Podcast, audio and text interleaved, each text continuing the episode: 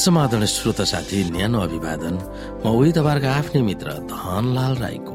श्रोता आज म तपाईँको बीचमा बाइबल सन्देश लिएर आएको छु। आजको बाइबल सन्देशको शीर्षक रहेको छ परमेश्वरमा विश्वास गर्ने भक्तहरूको सरसल्लाहमा चल्नु।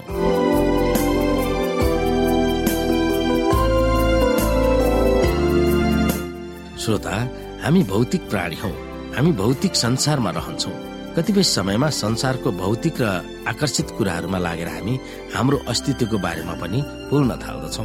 यदि यस संसारमा भएका थोकहरू र पैसा कमाउने चाहना नभएर जिउन चाहन्छौँ भने हामी फलामको जिउ हुनु पर्दछ हामी रगत र मासुले बनेको प्राणी भएकोले संसारका थोकहरूबाट अलग बनेर बस्न सक्दैनौँ। कतिपय समयमा यदि हामीलाई चिट्ठा परे धनी भएको भए के हुन्थ्यो होला भनेर हामी मध्ये कसले कल्पना गरेनौ होला र यी सबै कुराहरूको हामी सबैले सामना गरेका हुन्छौँ। यो आफैमा नराम्रो छैन न त कडा परिश्रम गरेर सुविधा सम्पन्न जीवन बिताउन र धनी हुनुमा खराब छ। तर पैसा नै सबै थोक हो यो धौता हो र भौतिक सम्पत्ति भए पुग्छ। परमेश्वरको हाम्रो खाँचो छैन भन्ने धरापमा हामीलाई पर्न दिन आवश्यक छैन।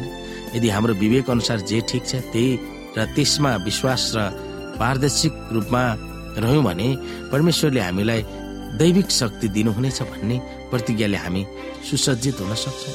यो धेरै महत्वपूर्ण छ किनकि धन मात्र कमाउने र भौतिक सम्पत्ति मात्र जोड्ने दिमागलाई प्राथमिकता दिँदा धेरै मानिसहरूको जीवन बिग्रन गएका हामी पाउँछौँ। हामीले मत्ती छ अध्यायको चौबिस र एक योना दुई अध्यायको पन्ध्रलाई हेऱ्यौँ भने यी विभिन्न सन्दर्भहरूमा सम्बोधन गरे तापनि ती पदहरूमा व्यक्त गरेका धारणाहरूमा के साझा विषय वस्तु छ हामी हेर्न सक्छौँ। कसैले दुई मालिकको सेवा गर्न सक्दैन किनभने त्यसले एउटालाई घृणा गर्नेछ र अर्कालाई प्रेम गर्नेछ। अथवा एउटाले एउटा प्रति भक्ति राख्नेछ र अर्काले अर्कालाई त्यसले तुच्छ ठान्नेछ।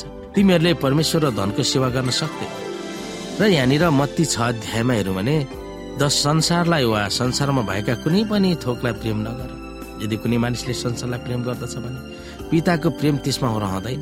किनकि संसारमा भएका सबै थोक अर्थात् शरीरको अभिलाषा आँखाको अभिलाषा जीवनको सिकी पिताबाट आएका होइनन् तर संसारबाट आएका हुन्। संसार बिति जान्छ र त्यसको अभिलाषा पनि बिति जान्छ तर परमेश्वरको इच्छा पूरा गर्ने चाहिँ सधैँको निम्ति रहन्छ भनेर भनिएको छ। दुर्भाग्यवश आजको प्रतिस्पर्धात्मक मूलक विशेष गरेर सहरीय वातावरण यस्तो कडा र आकर्षित छ कि प्रेमले सन्तुष्ट हुनुपर्ने गुणलाई त्यागेर बरु ऋणैमा परेर भए तापनि संसारको तडक भडकमा लाग्न र संसारका मानिसहरूलाई खुसी पार्न मानिसहरू अग्रसर भइरहेको पाइन्छ।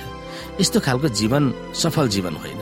फेरि मैले सूर्यमुनि केही अर्थ देखेँ एउटा एक्लो मानिस थियो।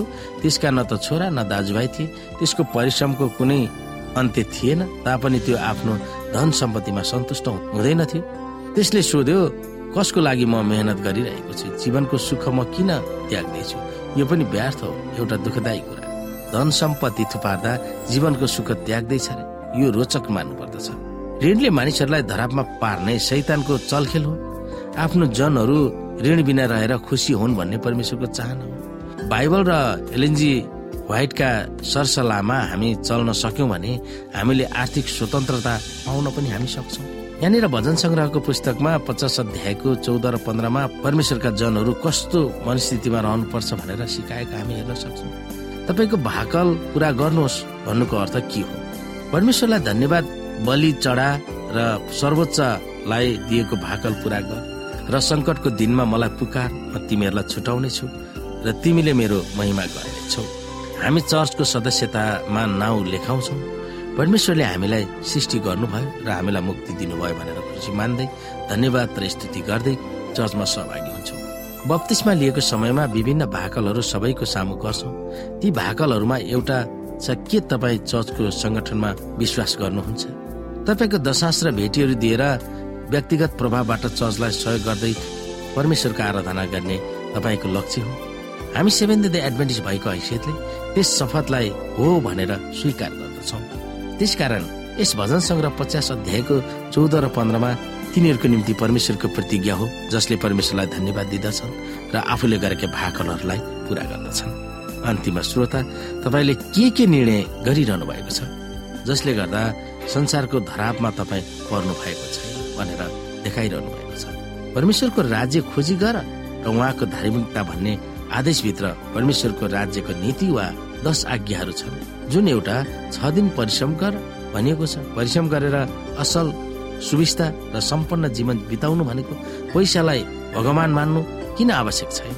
धन सम्पत्ति कमाएर सम्पन्न हुनु र धन वा पैसालाई नै भगवान हो भनेर मान्न वा पैसालाई पूजा गर्नमा के भिन्नता छ ती कुराहरू हामी सोच्न सक्दछौँ।